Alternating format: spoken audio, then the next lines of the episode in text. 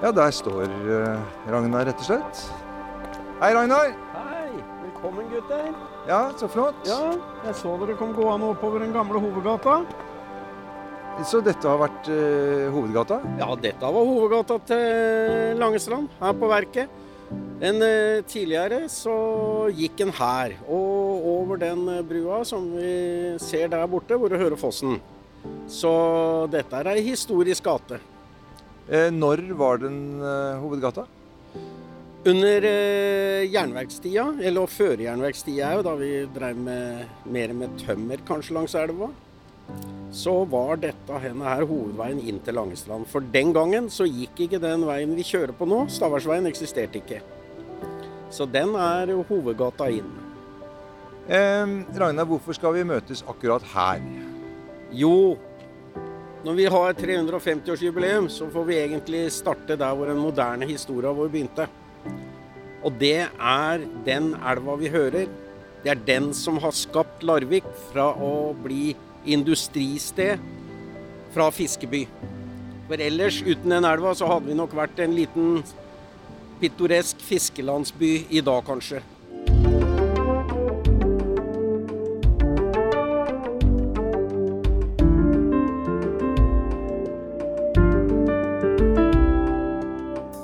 Velkommen til den første offisielle jubileumspodkasten Larvikspodden Vi 350. Her i studio sitter jeg, Geir Atle Jodsen. Og jeg heter Kjetil Wold. Som mange vet, eh, har alle måneder i dette jubileumsåret fått hvert sitt tema, og temaet for januar er Larvik i endring. Og endringer i seg selv, det skjer jo strengt tatt eh, hele tiden i et samfunn. Så eh, i denne podkasten rekker vi bare å belyse noen av dem. Og Kjetil, hva er det vi har med i eh, denne podkasten?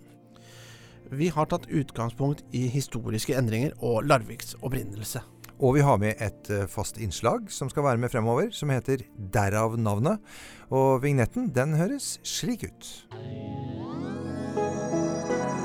Derav navnet. Og vi starter med Skottebrygga. Er det lurt, eh, Kjetil? Altså Til og med en innflytter som meg skjønner jo hvorfor det heter Skottebrygga. Det er jo pga. skotten Colin Archer. Ja, det er nok mange som resonnerer seg fram til det, men eh, vi får se. Ok, jeg venter i spenning.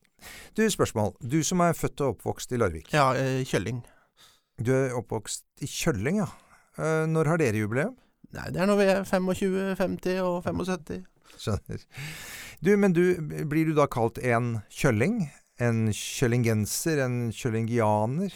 Nei, jeg er jo opprinnelig halsebikkje, da, men eh, nå er jeg jo bare fra Larvik. Ja, så bra. Du, for spørsmålet er, hva er den største endringen i Larvik for deg personlig? Ja, det må jo være at uh, Farris kom på plastflasker. Hmm.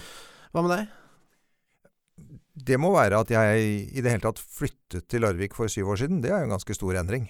Ja, For, uh, for Larviks del, eller for din del? Eh, for all del. Ja, Andre endringer er jo f.eks. Uh, kommunesammenslåinga. Eh, At ferja ble flytta. At Bølgen ble vedtatt og faktisk bygd. Men disse eksemplene her, det har jo vi nå skjønt er små i forhold til eh, flere historiske endringer. Ja, for jeg tok turen ned på museet og spurte lederen av Larvik museum, Aina Aske, hva hun tenker er store endringer i Larvik. For, for meg som er opptatt av by, bytopografi, byers vekst, byers historie, hvordan byer blir byer, så er det vel, tror jeg, det som skjer i 1692. Hvor greven omorganiserer ikke bare sine egne folk og sine egne embeter, men også byen. Så han bestemmer hvordan Larvik skal organiseres som by.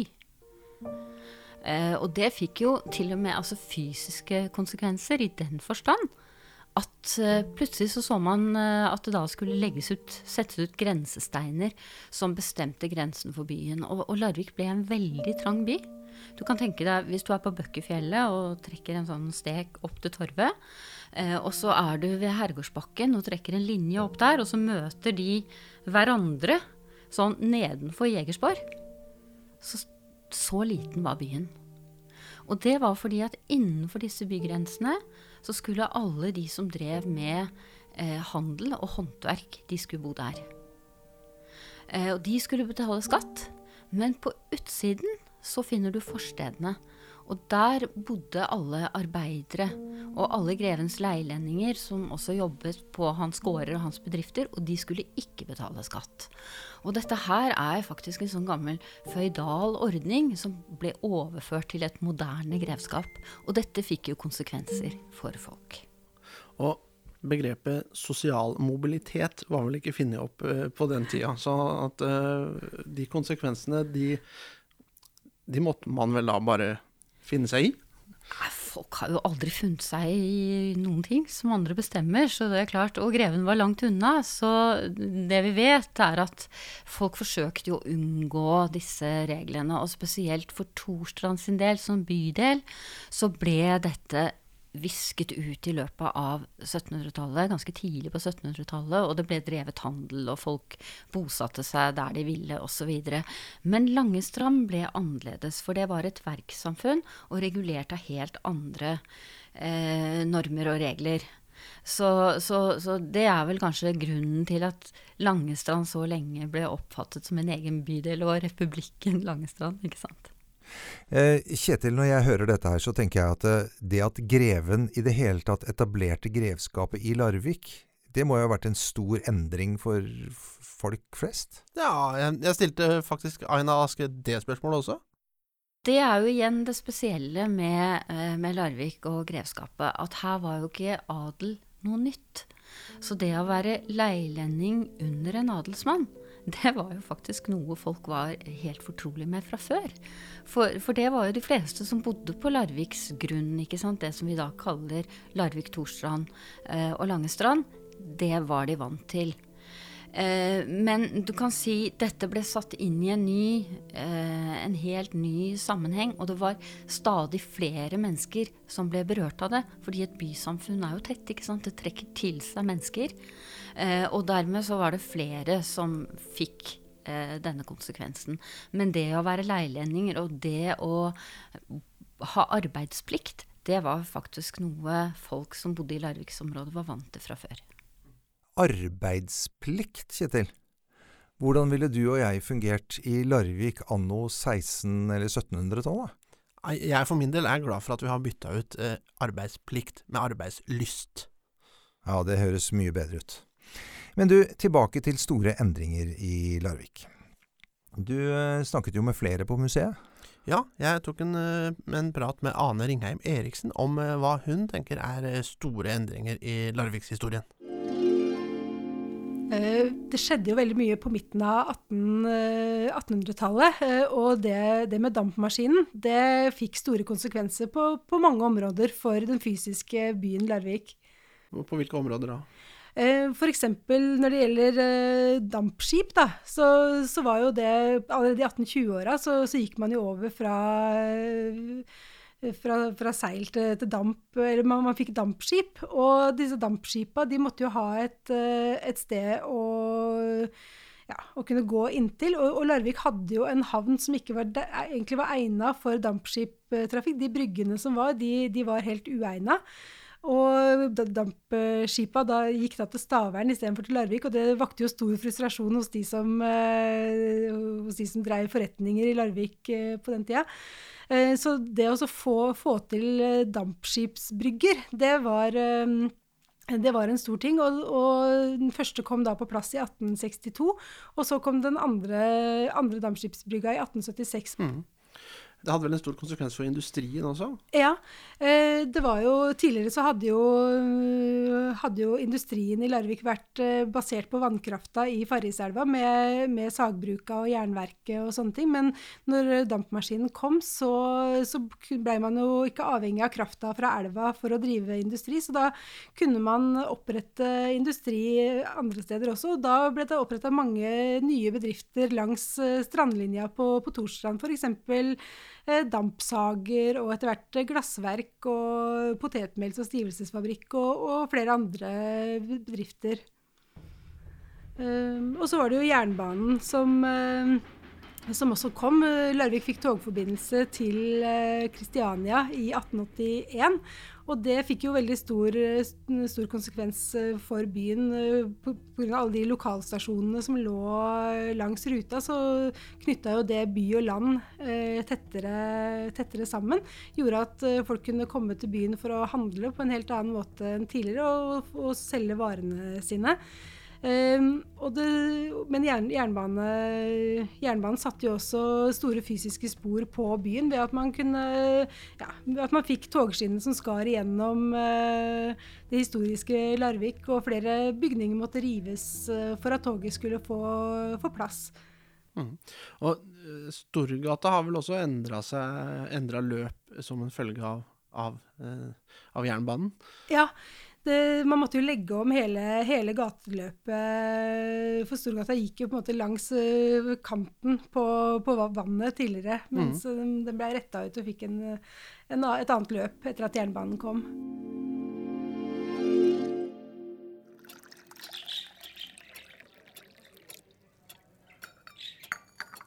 Nei, jernbanen ødela det vakre Larvik. Ordene tilhører 95-årige Augusta Abrahamsen.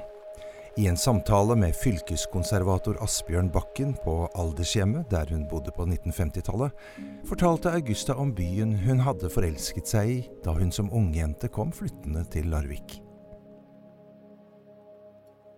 Storgaten, med vakre hus på den ene side, og hvor familiene hadde sine deilige haver på den andre. Og så husker jeg spesielt apoteket Teilmanns hage, nå jernbaneperrongen, med nøttetrealleen. Der inne var det benker og bord hvor det holdtes festlige kaffeselskaper. Rosene blomstret der inne, rikere enn i de øvrige haver. Hele Storgaten var fylt med velduft.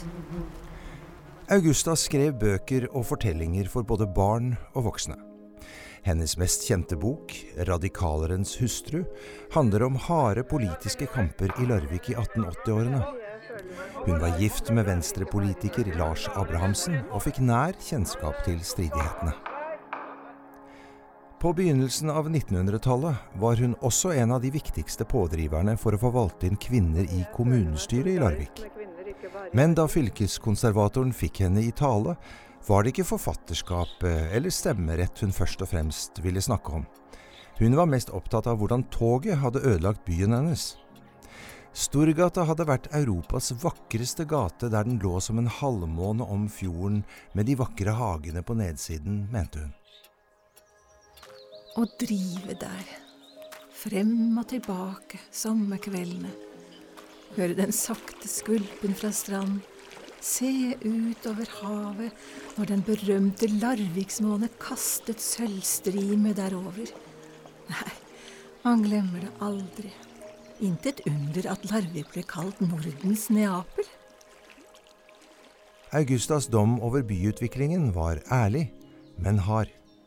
Når jernbanen hugg seg brutalt gjennom byens sentrum.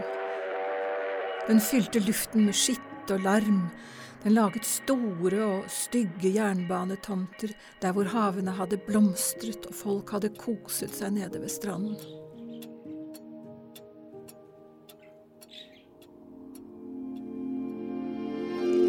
Det er kanskje fordi jeg er eh, innflytter, eh, Kjetil, men jeg må altså innrømme at jo mer vi dykker ned i Larvikshistorien, jo mer interessert blir jeg. Ja, det gjør jeg også, eh, og derfor ga vi statsviter Lars Uland Kobro en, eh, la oss kalle det en klassisk eksamensoppgave, grei ut og gjør rede for Larviks begrunnelse. Mm. Og da inviterte han med seg psykolog Bjørn Sakarias Eklund til studio, og det ble ganske interessant.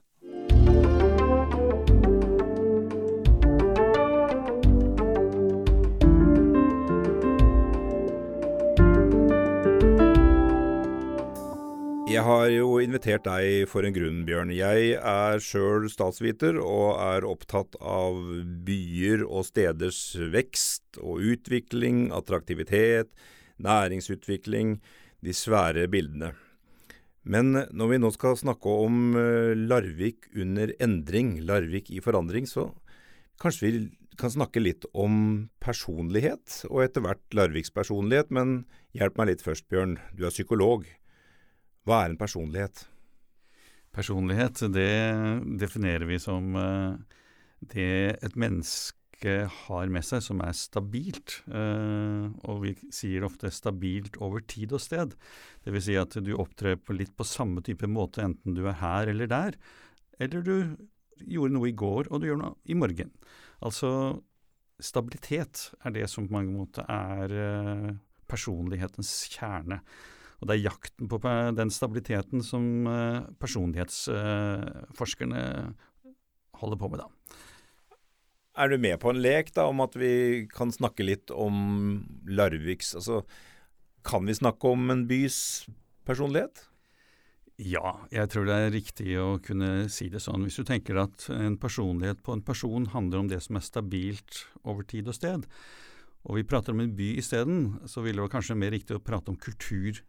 Og at kultur er det som er stabilt over tid og sted mm. rundt dette. Mm. Og det er den kulturelle identiteten som jeg tror du spør etter når du snakker om hva er byens personlighet. Mm. Hva er den kulturelle identiteten som vi har holdt på med da, i 350 år? Eh, som har en form for kontinuitet. Og som kanskje kan noen ganger være en, en dregg vi drar etter oss, som kan være tung å ha, ha med seg og som vi kanskje noen ganger skulle ønske at vi kunne slippe for å kunne gripe litt av morgendagens muligheter.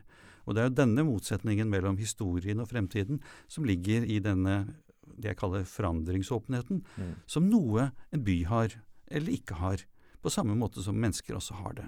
Så det er jo likhetstrekk i de ordene vi bruker for å beskrive personer, som det er når vi skal beskrive byer og deres kulturer.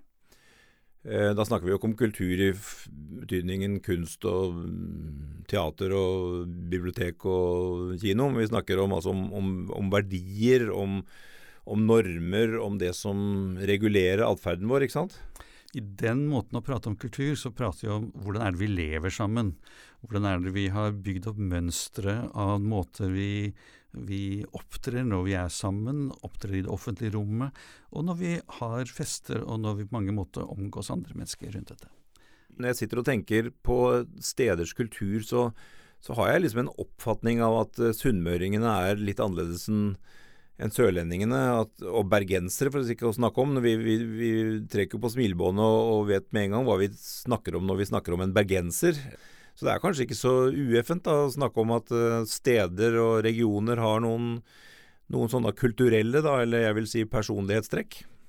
Nei, Jeg er helt enig i det. Helt enig i det, og uh, Det er ikke så veldig vanskelig å forstå hvorfor det er slik. Uh, hvis du lever på kysten, som vi gjort her i Larvik, da, så har jo vi vært en, en, by med en kyststripe. Vi har hatt en by som har hatt båter og mennesker og ideer som har strømmet inn til byen og fra byen. Og vi har hatt Kattegat, kan du si, med kontakt mellom Danmark, eh, Sverige, Nederland og England, på, som på mange måter nære områder å forholde oss til. Det har man jo ikke hvis man har vært bonde i Valdres. Så det at vi er en kystby eh, med lang historie, former jo eh, den måten eh, byens befolkning lever livet sitt på. Og det å ha kontakt med omverdenen er jo det som har preget oss gjennom skipstrafikken, gjennom handel og gjennom mennesker som har beveget seg mellom land rundt dette. Jeg har tenkt at øh, Jeg husker jo godt øh, 300-årsjubileet. Jeg husker ikke veldig godt, men jeg husker at jeg sto i Herregårdsbakken og så kong Olav uh, signere skriften på veggen, holdt jeg på å si, på fjellet. Og, og krittet uh, brakk, husker jeg. Syntes det var så dramatisk, men det var antagelig ikke så dramatisk som det unge lille Lars uh, syntes akkurat da. men da da var det liksom Gyldenløve og grevskap og, og, og, logoen med ansiktet til Gyldenløve inn i et bøkeblad. Det var veldig mye snakk om grevskap, og jeg tenkte at vi er jammen heldige som bor på det fineste stedet i Norge hvor greven ville slå seg ned. Jeg tenkte det var pga. at Larvik var så pent. Jeg har reist en tur opp og, og snakka med Aina Aske om akkurat dette her. La oss høre hva Aina sa. Fortell litt om uh, hvorfor du kan Larvik. Ja, det starter i grunnen eh, veldig langt tilbake. Um, når jeg skulle begynne å jobbe i Larvik, så var Larvik museum plassert i herregården. Eh, og jeg skulle vente, jeg skulle på noe sånn første møte og sånn, og, og, så spurte jeg om jeg bare kunne gå rundt i bygningen, og jeg, jeg gikk meg også nesten vill. Mm. Og så ble jeg utrolig fascinert av den store, tunge, mørke bygningen, og begynte å bli nysgjerrig på historien. Hvor gammel var du da? Spør du om alder? Ikke nå, men da? Nei, jeg var vel i 30 Å ja. slutten av Akkurat. 30 Så det var ikke sånn det var ikke barndomstraume, hadde jeg nær sagt. Nei, nei, nei. Nei. Nei, jeg også husker jo godt eh, vokste opp i Byskauen, eller født i Rombabakken egentlig. Eh, fire år gammel flytta opp i Byskauen. Eh, får jo prøve å snakke litt breit nå, som egentlig er mitt eh, morsmål. Eh, men jeg, jeg husker, eh, eller huset her, eh, byjubileet for 50 år siden. Da gikk jeg på Byskauen skole. Eh, Jeg husker til med logoen, et, et bøkeløv med, med Gyldenløves eh, portrett eh, innkapslet i bøkeløvet. Og det var veldig mye Gyldenløve, så jeg, jeg var veldig sånn klar over at det var egentlig den, den salige ja, Det vet vi vel litt om om han er salig, egentlig, men, men uh, greven, som jeg forestilte meg at han han kom ridende liksom med kniplingene og, og silkeslåbroken eller skjortene sine og det lange eh, feminine håret. Og, og speidet litt som langs eh, strendene når han rei der, eh, enten han red nå nordover eller sørover, vet jeg ikke. Og så, ah, så kom han til denne bukta som da blei Laurvigen, og så tenkte han her var det vakkert. Her vil jeg ha mitt eh, hovedkvarter. Så jeg, jeg tenkte det var rent estetiske årsaker til at Larvik blei liggende der det blei liggende. Veldig spennende det du sier. Altså, jeg, kan følge deg, jeg kan følge deg helt til estetikken. Okay. Og det er jo fascinerende at du har ganske rett i historien så langt. Og dette skjedde, det som du beskriver nå, det skjedde faktisk i april 1665. Ok. Eh, Men han kom ikke til hest, og det var litt trist, for det var det beste han visste. Han var jo virkelig en, eh, en flott rytter, men han kom med skip fra Kristiansand okay. til Larvik 29. april 1665. Visste han at han skulle til Larvik, eller det som ble Larvik? Visste han hvor han skulle, eller, eller seilte han liksom langs kysten forbi Kragerø og Bamble og alle disse her eh, NOx-aktene, og så fant «Ah, Der var det fint. Bøkeskogen. Du vet hva, han kom faktisk til Larvik eh, av to grunner. Det ene var et skikkelig vrient arveoppgjør, som han hadde fått eh, kommando eller befaling fra kongen å rydde opp i. Det andre var at de hadde da et par års tid diskutert muligheten for å flytte Tønsberg. Flytte Tønsberg, for Tønsberg ja. eksisterte sånn fra vikingtida omtrent. Ja, men Tønsberg var skikkelig på nedtur. Ok. Det, for dette her dreier seg ikke så mye om estetikk, men veldig mye om næringsliv. Veldig mye om å tjene penger og ha rettighetene til å tjene penger. Eh, og forholdene for tømmerhandel i Tønsberg var ekstremt dårlige.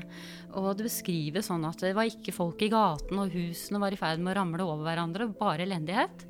Så Gyldenløve kom til Norge i 1664 og skriver da til kongen at den byen der er ikke noe framtid.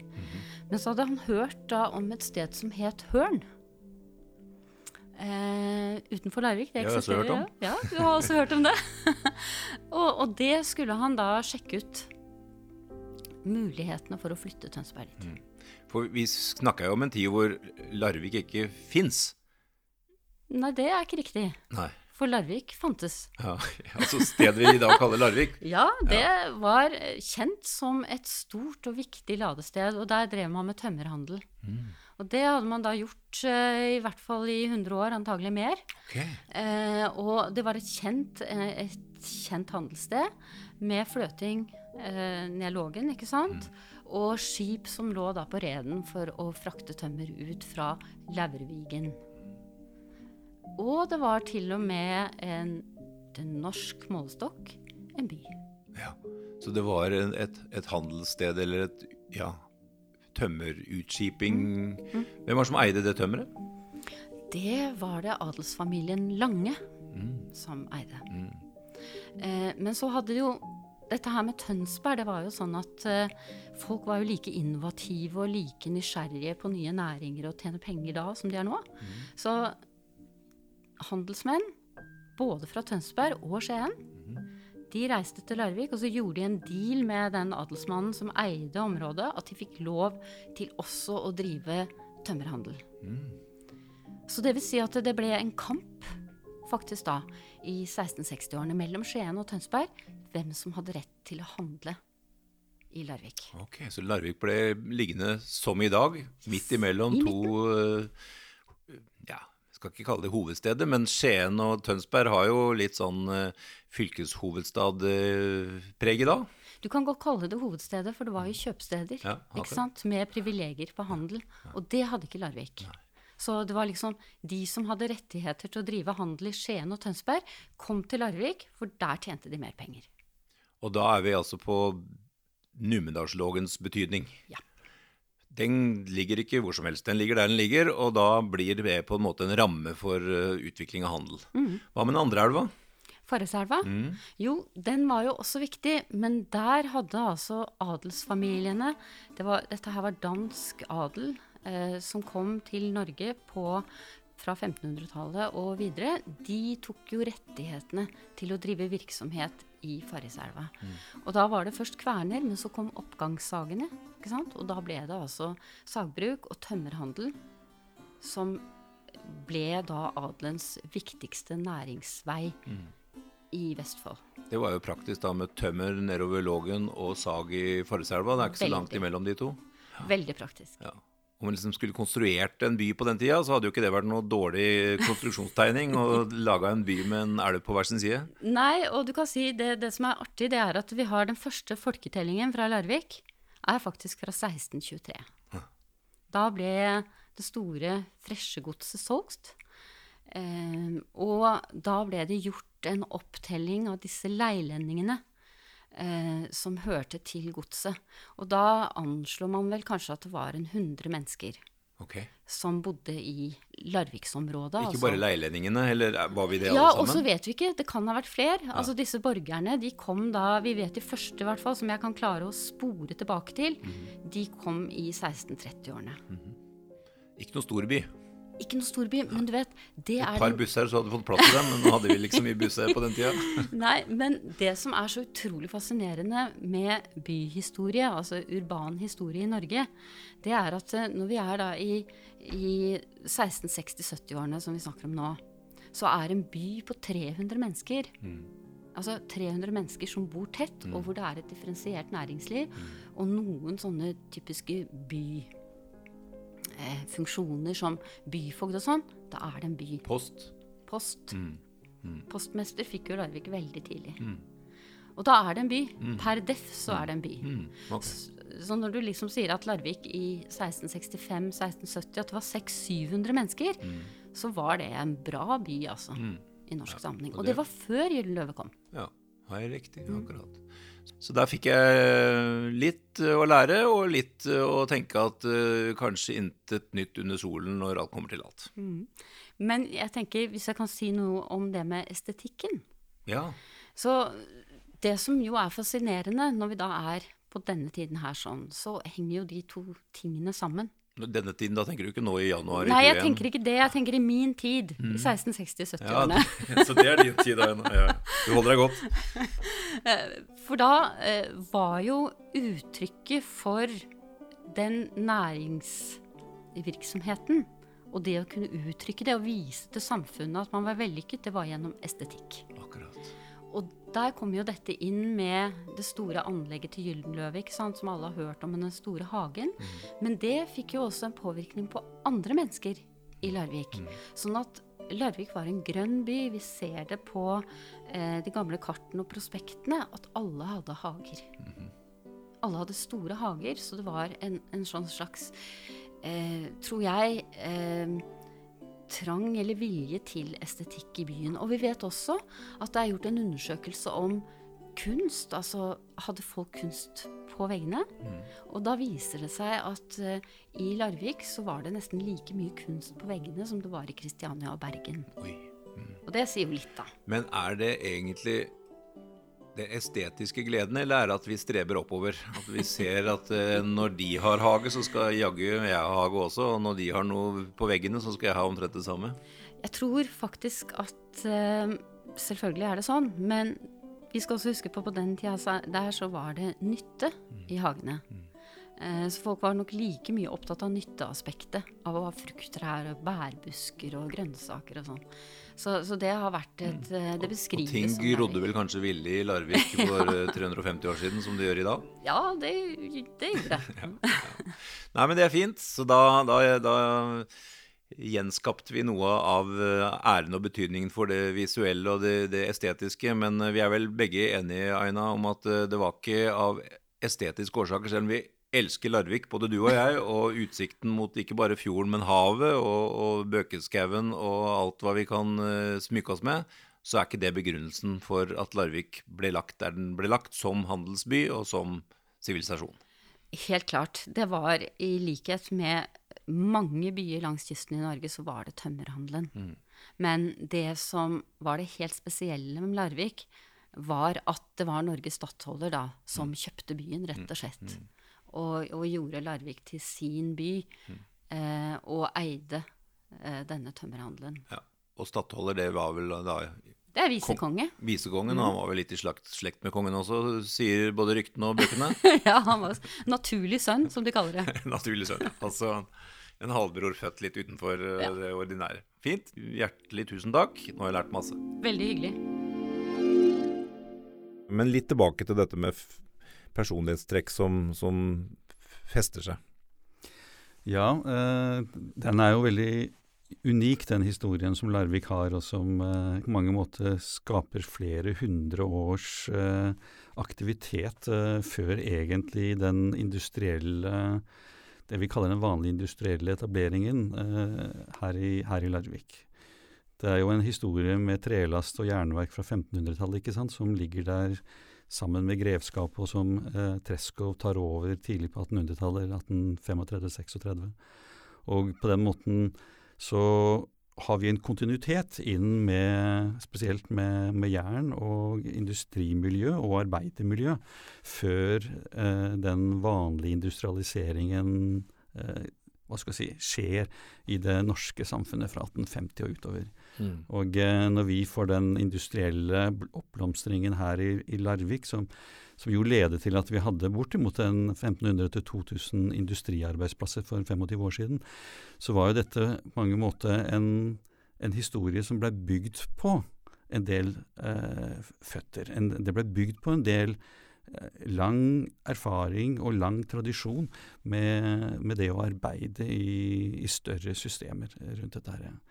Og eh, den, når du så da rundt omkring i Larvik eh, som en, hva skal jeg si, tidlig 1900-tallsfase, så, så var det at vi hadde den historien med grevskapet og, og jernverk og trelasthandel, gjorde at vår industrihistorie ble litt annerledes enn hva du har i Grenland f.eks. For, for på Grenland så ble hele det industrimiljøet der bygd veldig opp rundt Norsk Hydro, eh, og på den måten en relativt ny entreprenøriell eh, holdning som skapte et, eh, et vokst av en industri som ble noe av det største industrielle området i Norge, men med en helt kortere historie enn det vi har i Larvik rundt dette. For du sier noe, nå, nå snakker jo du som en ordentlig industrihistoriker, og, og det er jo kanskje nettopp fordi du har, du har jo også en egen personlig historie. Faren din var industrileder, var han ikke det?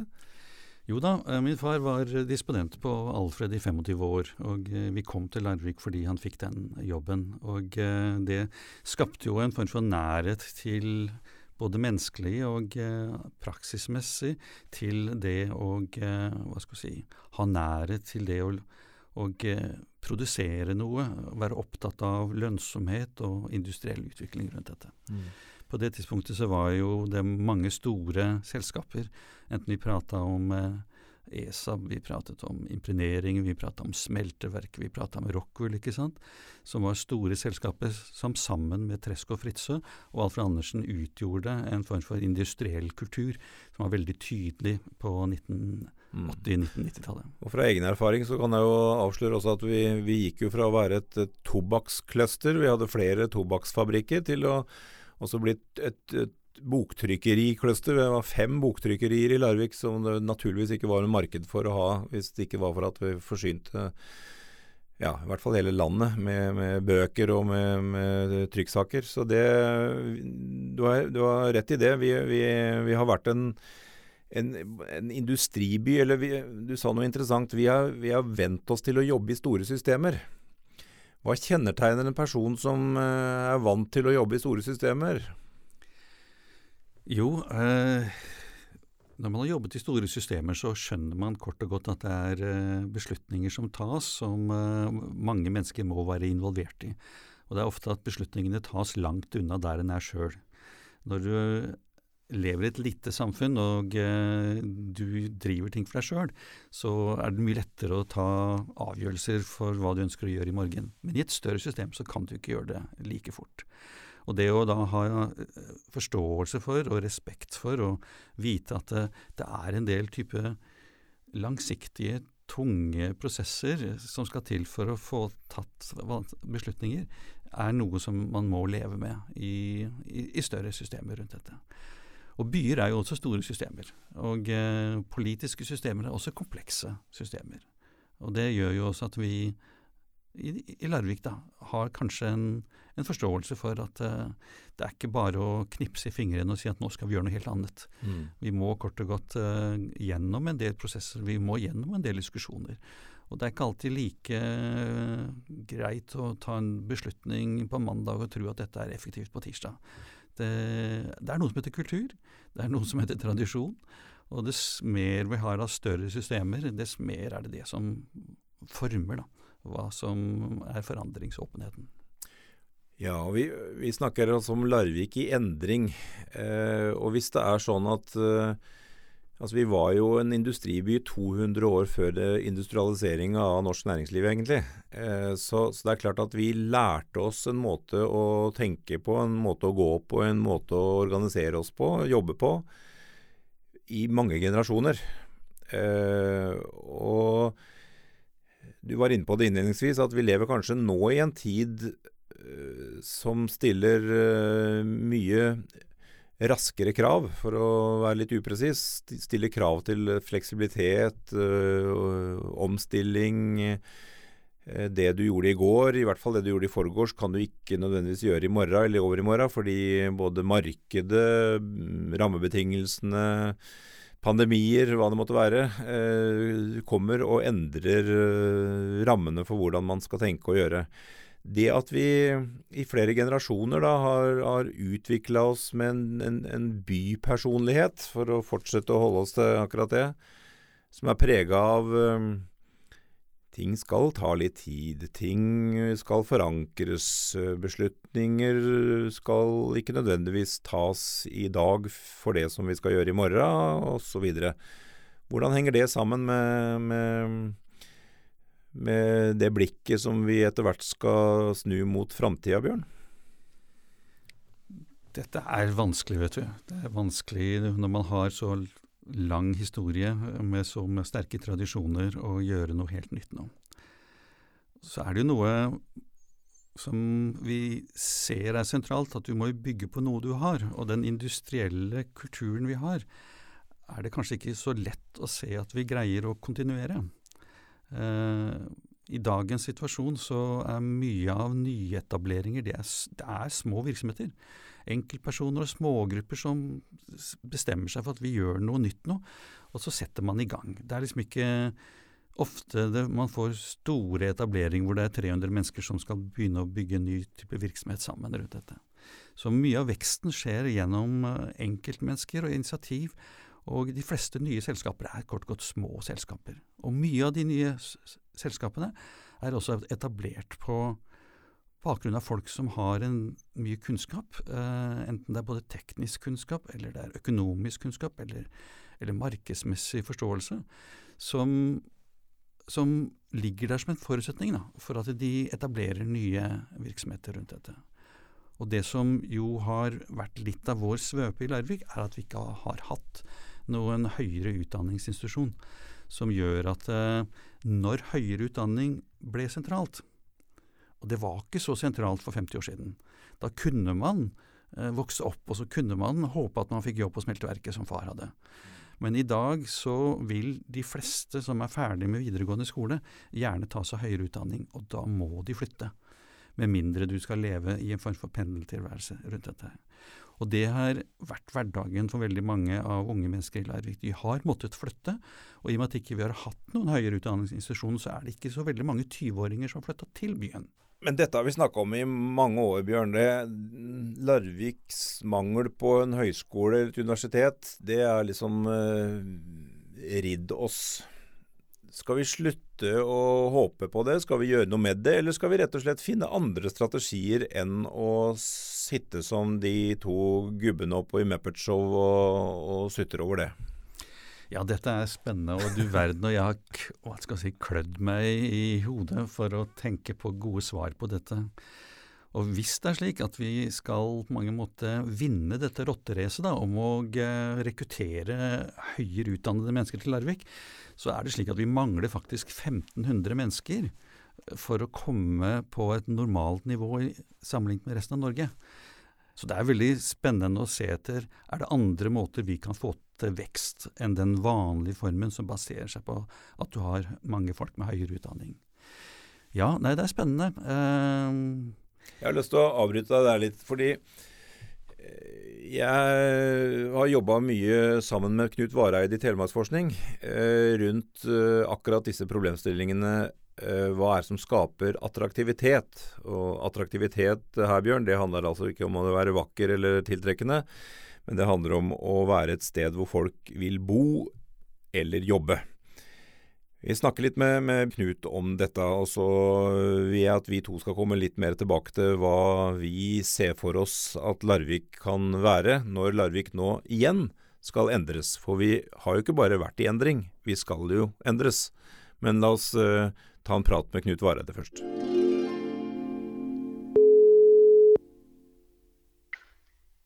Hallo.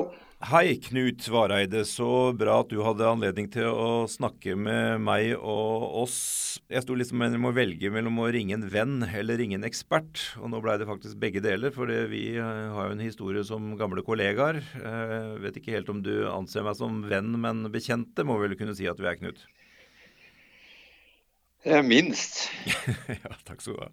Jeg tolker det. eh, og, og, du har greie på det som vi sitter her i studio og, og lurer litt på. Eh, Larvik er nemlig 350 år i år.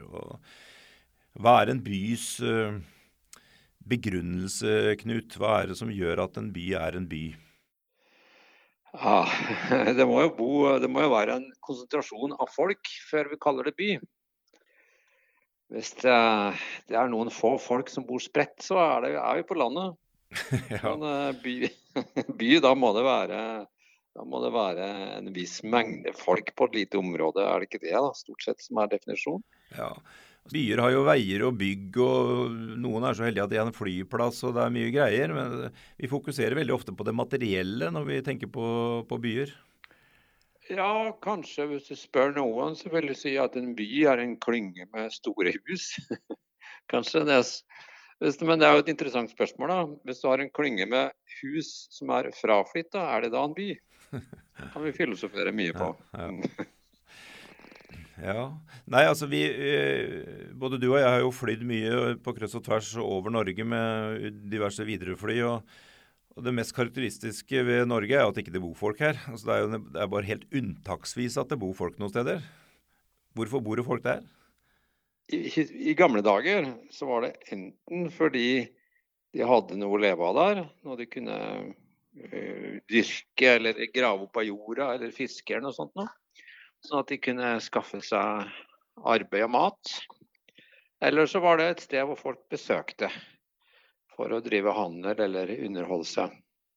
Mm. Så i gamle dager så var det, eh, det var attraktivt for å drive noen form for næring, eller attraktivt å besøke. Mm. Og da var besøket det var gjerne næringsrelatert, det også? At man skulle handle ja, det var, liksom Hansabyen, ja, Bergen? Eller? Altså, Bergen jeg tenkte jeg også på i den sammenhengen der. Mm. Eh, fordi eh, der, eh, der var mye handelsdrevet, da, var handelssteder. Eh, og det trakk til seg folk og, og penger. Og så var det jo selvfølgelig også ja, ikke bare storhandel, men folk eh, kunne gå på butikk og kjøpe. Og kanskje jeg vet ikke hvor stor underholdningsindustrien var i de gamle byene, men de hadde jo kneiper og servering og den type ting. Eh, men det var i gamle dager, sier du?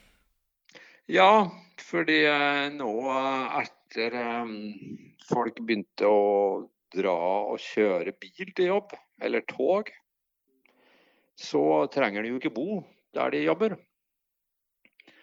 Jeg vet ikke om du hadde sånne fabrikker i Larvik i gamle dager med sånn fabrikkpipe på taket? Å jo da. Fabrikker nok i massevis. Ja, men jeg tenker ikke på de pipene med røyk. Jeg tenker på de de fløyta med ja. når, når produksjonen skulle starte. For Jo, der har jeg lest at de hadde. Ja ja. Og ja. da, var det, da hørte arbeiderne at nå er det tid å gå på jobb.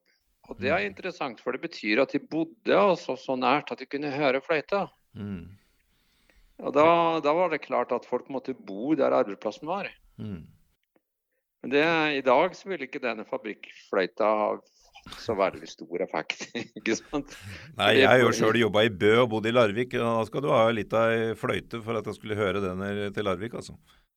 Ikke sant? Og jeg er sikker på at i mange av de industribedriftene som fremdeles er i Larvik, så er det folk fra Porsgrunn og Skien og Sandefjord og til og med Tønsberg som jobber. Mm.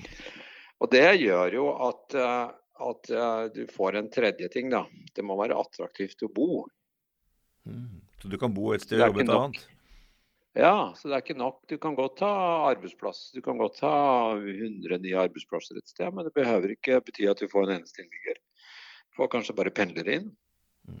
Og så kan du få mange som eh, flytter dit fordi at de vil bo der, eh, selv om eh, det ikke er arbeidsplasser. Fordi de har jobben sin et annet sted.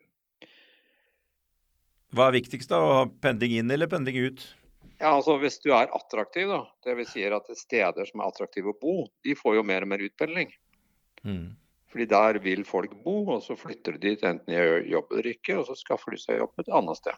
Mm. Så i dag har jo denne attraktive å bo blitt veldig viktig. Kanskje den viktigste. For det er der hvor du bor du skatter.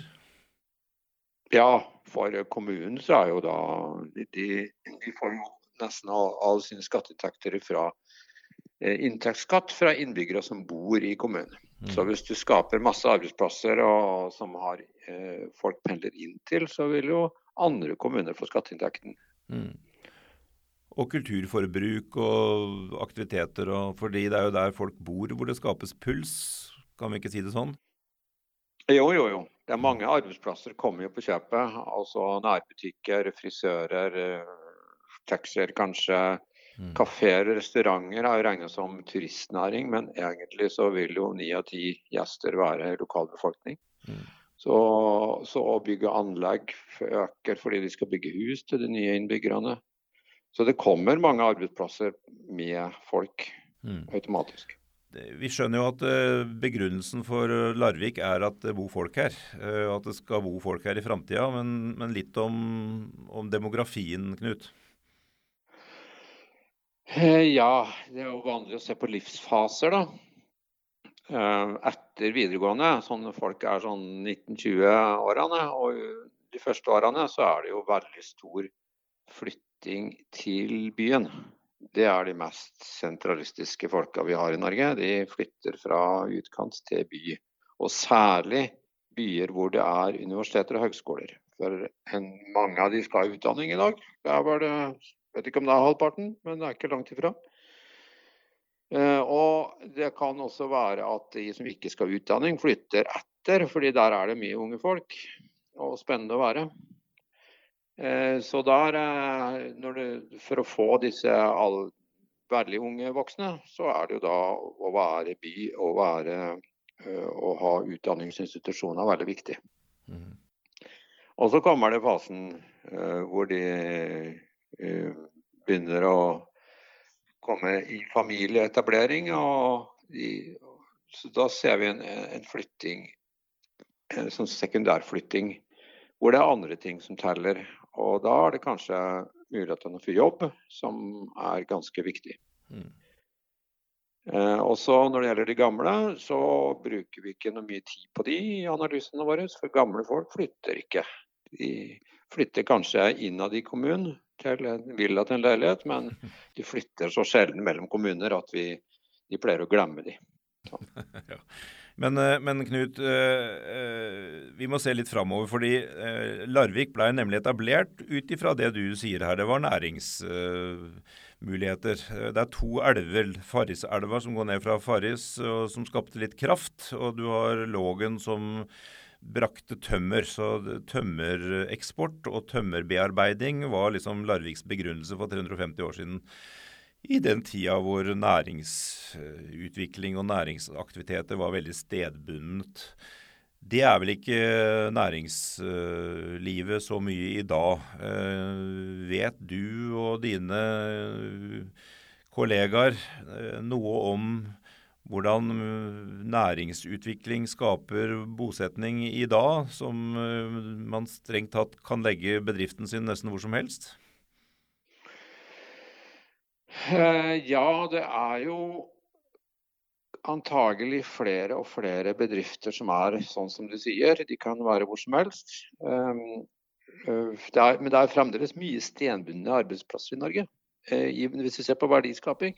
Mm. Eh, men de, problemet med de, eller problemet og problemet, altså, de bruker stadig mindre folk. Mm. Altså i kraftforsyning, i fiske og havbruk og, og den type ting, så, og industri også, så, og landbruk, så trenger de færre og færre mennesker. Mm. Og så blir det da vekst i andre næringer, hovedsakelig tjenesteytende næringer. Folk som sitter på kontor, det øker stadig. Hvis du ser gamle sånne tellinger av arbeidsplasser, så var det veldig sjelden at folk satt på kontor. Nå er det på de fleste på et kontor eller landskap. Både du og jeg. Ja, f.eks. sånn som oss. Vi, det ikke, og, det, og, det, betyr at det, det, går den veien nå, med at det blir flere og flere den type arbeidsplasser. og da, da er det folk, og så det folk med kompetanse som er viktig. Vet du noe om hvordan det går med Larvik på disse attraktivitetskriteriene dine? Du er jo opptatt av bosted og, og næringsutvikling. Også besøk, da vet jeg. Kan ikke du si litt om det? Ja, der eh, må jeg kanskje skuffe deg litt. Fordi Skal bare gå videre, kanskje? kanskje. Men siden du, du, du spurte om det, så det er det er for lite folk i, som flytter til Larvik for at vi kan si at de er attraktive. Eh, det er eh, mange flere som flytter til steder som Tønsberg, Sandefjord, Fredrikstad, Moss, Sarpsborg f.eks. Ja. Eh, så det er, ikke, det er ikke den store innflyttinga til Larvik.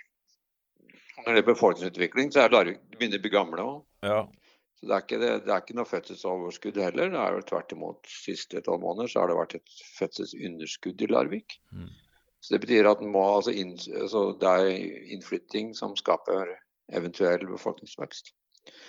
Eh, så det er, for lite, det er for lite folk som flytter til Larvik. Så det ikke, hører ikke til de attraktive byene. Men er det vår skyld? Er det ikke sånn at vi ligger for langt unna Oslo? Du sier Moss ligger jo nærmere Oslo, Tønsberg og Sandefjord ligger litt nærmere Oslo. Er det, ikke, er det ikke bare sånn som du sier, de strukturelle årsakene til at ikke vi lykkes så godt? Eh, det er en fordel. altså Jo mer sentral du er, jo mer flytting får du sånn automatisk. Uten at du har trengt å gjort så mye med det. Men eh, selv om vi tar høyde for det, så er det, så er det for lite flytting til Larvik. Og da er det altså enten sjøl å greie å generere flere arbeidsplasser på stedet, eller nyttiggjøre seg den arbeidsplassveksten som er i nabokommuner, som er oppskriften? Ja, jeg tenker jo da at det er to veier. Hvis du syns veksten i Larvik er for lav, så er det to veier å gå. Det ene er sørg for at uh, arbeidsplassveksten er god eller bedre, og den er litt under paret. Eller gjør Larvik så attraktivt at folk vil bo der og heller pendle til andre steder. Mm. Vi har jo netto utpendling, vet jeg, så, så folk syns jo det er mer attraktivt å bo her enn, enn å jobbe her. Holdt jeg på å si. Altså, vi scorer vel bra på at vi har en, sånn sett en netto utpendling. Eh, det er flere som bor her enn som jobber her, for å si det sånn. Det kan du si, men det er veldig vanlig i Norge, da. okay, De fleste steder har det sånn. For det er, det er liksom noen steder som har veldig stort overskudd av arbeidsplasser, da, som f.eks. Oslo og Bergen og Trondheim og de. Sånn at det er, det er vanlig å være i den situasjonen. Jeg tenker eh, sånn mot slutten, eh, når vi da skal se framover, så, så, så, må vi jo være oppfinnsomme. Eh, vi vet ikke hva som skal begrunne Larvik ved det neste, altså ved 700-årsjubileet om 350 år. Men at det blir de to elvene som skapte næringsgrunnlaget i, på Langestrand og, og holdt på å si, i Nederland med, med, med tømmertransport. Det kommer i hvert fall ikke til å være. Vi vet ikke hva som blir byens begrunnelse, men, eh, men vi må kanskje langt på vei finne opp oss selv på ny og på ny. Ja, det, den, eh, det er litt eh, Det er ikke så enkelt å finne seg opp seg sjøl, da. Og jeg tror jo, hvis vi skal se litt på de store trekkene i utviklingen, så har det jo vært mye teknologi som har vært med på å kunne forme forandringene, teknologi og marked, eh, rundt oss. Det er liksom ikke Det var ingen som satt her i 18, nei, 1985 og bestemte seg for at industrien skal bli borte. Dette var bare ting som vokste økonomisk fram. Og hva er det vi ser rundt oss i dag? Vi ser en veldig sterk teknologisk, digital utvikling. I dette året her med pandemien så har vi fått hjemmekontorer, kan du si. Så det er jo mange som har kontorarbeidsplass i Oslo sentrum som knapt har vært innom denne kontorarbeidsplassen siden 15. mars. Og vi ser i en økende grad mennesker som kan sitte hjemme, og de kan sitte i arbeidsfellesskap i Larvik og jobbe like godt med andre folk som er i Oslo eller i Singapore. Så det kan godt være vi kommer i en situasjon hvor dette å klumpe seg sammen rundt Oslo, rundt sentrum av makt og sentrum av antall mennesker, kanskje ikke lenger blir så sentralt av teknologiske grunner rundt dette. Kunnskapen som vi mangler eh, er, Kunnskap er lett å dele. Kapital flyter fort. Det å flytte mennesker, det er ikke enkelt. Mm. Og vi er glad i Larvik. Vi er glad i byen og aktivitetene. Vi er glad i naturen. Vi er glad i strendene. Vi er stolt av at uh, folk strømmer til Larvik på, på, på, sommerstid. Vi er stolt av at uh, de eldre velger å se på Larvik som et uh, velorganisert samfunn med en solkyst som minner om Florida. Spørsmålet er hvordan vi kan leve med den attraktiviteten vi har med de menneskene som kommer hit, og gjøre mest mulig ut av dette? Hvordan kan vi leve med de nye teknologiske utviklingene, som kanskje gjør at det ikke er like nødvendig at man reiser til et sted og sitter sammen med andre mennesker 37 timer i uka rundt dette. Mm. Så det blir spennende å se hvordan disse utviklingstrekkene, altså folks lyst til å flytte til Larvik av de som er litt eldre, de nye teknologiske mulighetene for læring, flyt av kunnskapen som jo eh, er blitt mye lettere nå som vi er vant til å kunne bruke internett, kanskje kan gjøre at det ikke er så veldig sentralt om vi får samlet veldig mange med høyere grads utdanning på ett sted som en forutsetning for innovasjon rundt dette. Så det er en del spennende muligheter, ja. ja det er det. Så bra. Og det eh, bringer meg jo tilbake til utgangspunktet vårt, at eh, like lite som det var egentlig Det var jo ikke tømmeret som skapte Larvik, det var jo folket som skapte Larvik av tømmeret. Eh, det er ikke teknologien som vil skape byen og stedet. Det er folka som benytter teknologien som skaper stedet. Og sånn er det vel eh, videre også, at det er eh, vi som bor her, som må gripe mulighetene, og som må utnytte de gudgitte gavene som vi eventuelt har, og de ressursene som vi sjøl greier å skape ut av det fellesskapet som vi har. Og da er vel tillit og, og glede over å samarbeide eh, et stikkord som vi kan gå mot en avslutning ved å, å male opp på veggen her. Ja, eh, vi vi sier jo at eh, den høye graden av tillit i norske samfunn gjør at, vi, at ideer flyter lettere, og det er lettere å ta initiativ fordi man forventes å blir tatt imot godt når man kommer uh, med nye forslag, når man kommer med nye typer ideer og er litt ute på tynn is og søker hjelp rundt dette. Og jeg syns Larvik har blitt mye mer preget av den type åpenhet og, eh, og, og hva skal jeg si, tillit da, enn en det jeg vokste opp med tidligere rundt dette. Og vi ser jo konturene av en del mennesker som er glad i byen, og som har ideer, og som bygger virksomheter. Eh, Jotron og Abax er to relativt nye virksomheter i, i, i Larvik-samfunnet, som har to helt ulike historier, men som jo er utrolig spennende, har vokst fram her i Larvik. Og som kan på mange måter være eksempler på nye type virksomhetsutvikler som starter i det små og jobber seg systematisk oppover, men med globale perspektiver. Så Larvik i endring, det er uh, en by hvor folk endrer seg, eh, men uten å endre seg fundamentalt. Vi er de vi er, og så utnytter vi det eh, til felles beste. Samarbeid om å skape nye muligheter. Jeg gleder meg til å samarbeide med deg videre også, Bjørn. Takk for, takk for det. Langt utover det vi to som duett kan produsere. Det blir moro. Takk for meg.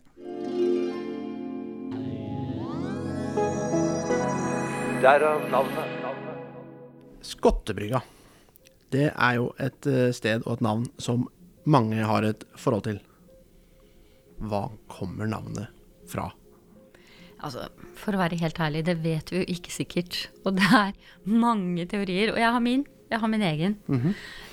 um, og den ligger langt tilbake i tid. Fordi i 1623 så ble det laget en eh, slags opptelling av leilendingene under eh, adelsmannen som da solgte eh, Fresjegodset. Og blant disse så finner vi Morten Scott. Og så som jeg leser i kildene, så må han ha bodd et eller annet sted bortover det som het fra Stranden, som da er Storgata i dag, og videre bortom mot det vi kaller Skottebrygga-området. Så jeg tenker meg at eh, kanskje navnet kommer fra Morten Scott. Men eh, Skottebrygga, eh, hvilken betydning eh, har den hatt eh, for Larvik havn? Ja, nå vet vi at uh, fra 1670-årene, når Gyldenløve kommer til byen, så betrakter han egentlig da Skottebrygga som sin brygge. Den, den, er et anlegg som hører til herregården. Men samtidig så er det jo andre brygger der nede. altså Det er flere av byborgerne langs stranden som har brygger i dette området. Og havnefogden, altså den første havnefogden i Larvik, han har også sin brygge der. Så dette her utvikler seg jo som et sånt lite bryggeområde, og som en del av hele det store Larvik havn. Men den, den store, viktige havnen da, i Eh, i Larvik var Elvehavnen. Altså Elvehavnen, det var Farriselvas havn. Der lå eh, skutene som kom i forbindelse med jernverket eh, og, eh, og sagbruksindustrien. Men det tilhørte da Langestrand, og det tilhørte verket. og når det gjaldt ellers, så var jo Larvik var jo en åpen red. Altså de store skipene og mindre skip de lå da for landtau. Eh, ringer, som vi ser den dag i dag, som er slått ned i fjellet. Eh, og, og, lå da ute på reden. Og det sies jo, det er jo flere historier om at når været sto på, ikke sant, så kunne man våkne opp, og så sto det et skip midt i Storgata. sånn at byens befolkning, altså eh, byborgerne, handelsmenn og redere i Larvik, de var jo tidlig på 1700 på jakt etter en bedre havn, en tryggere havn. Og de så jo da mot Langestrandsida og ville så utrolig gjerne kunne ha sine skip, eh, og skip som kom i forbindelse med deres virksomheter, til å ligge der. Og der sa jo da eh, grevens embetsmenn og greven selv nei. Eh, og så er det en havn som vi har glemt i dag. Og det er Lilleelva. Altså omtrent der hvor Farrisfabrikken ligger. ikke sant? Så kom det ut en del av Farriselva. Og det var også et havneområde. Og de spurte også der kan vi få lov til å utvikle havn der. Eh, og greven satte da en rekke betingelser som ikke kunne innfris. Og på denne tiden her så er altså det norske havnevesenet eh, i stort, altså over hele landet, i utvikling. Og eh, stattholderen sier da at eh, det er dette som kaller mudderpenger. Det er en sånn slags statlige midler som da kan utløses for å forbedre havnene. Dette skjer etter den store nordiske krig, og etter da forbedringen av losvesenet kommer som en sånn slags eh, fornyelse i landet. Og i Larvik så forstår da borgerne at dette er deres mulighet til å kunne påvirke utviklingen i egen by. Og de søker da om å få bruke disse mudderpengene til å opparbeide bedre havn. Og de får da ikke tilgang i Elvehavnen, ikke i Lilleelva, men så blir da Skottebrygga-området det stedet hvor de får mulighet til å etablere sin egen havn. Så dette blir byens havn. I 1748 så søker de om dette. I 1754 tror jeg de får det innvilget og starter, og i 1756 så er da dette trebryggeanlegget ferdig. Og det blåser sønder og sammen bare noen få år senere.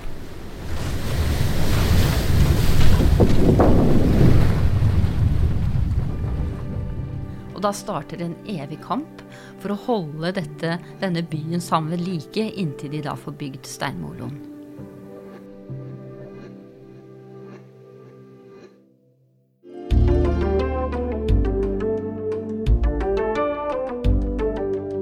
Det var det vi hadde for denne gang. Vi takker Ragnar Ridder Nilsen som åpnet denne episoden. Lars Ueland Kobro, som tok ansvar for Larviks begrunnelse, og gjestene Bjørn Sakarias Ekelund, Knut Vareide, Aina Aske og Ane Ringheim Eriksen.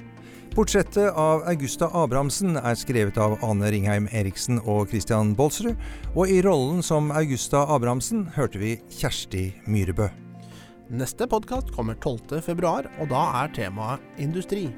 Følg oss gjerne på Facebook, Larvikspodden Ropert eller Vi350.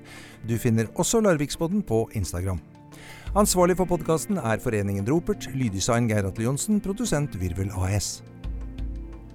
Vel hjem!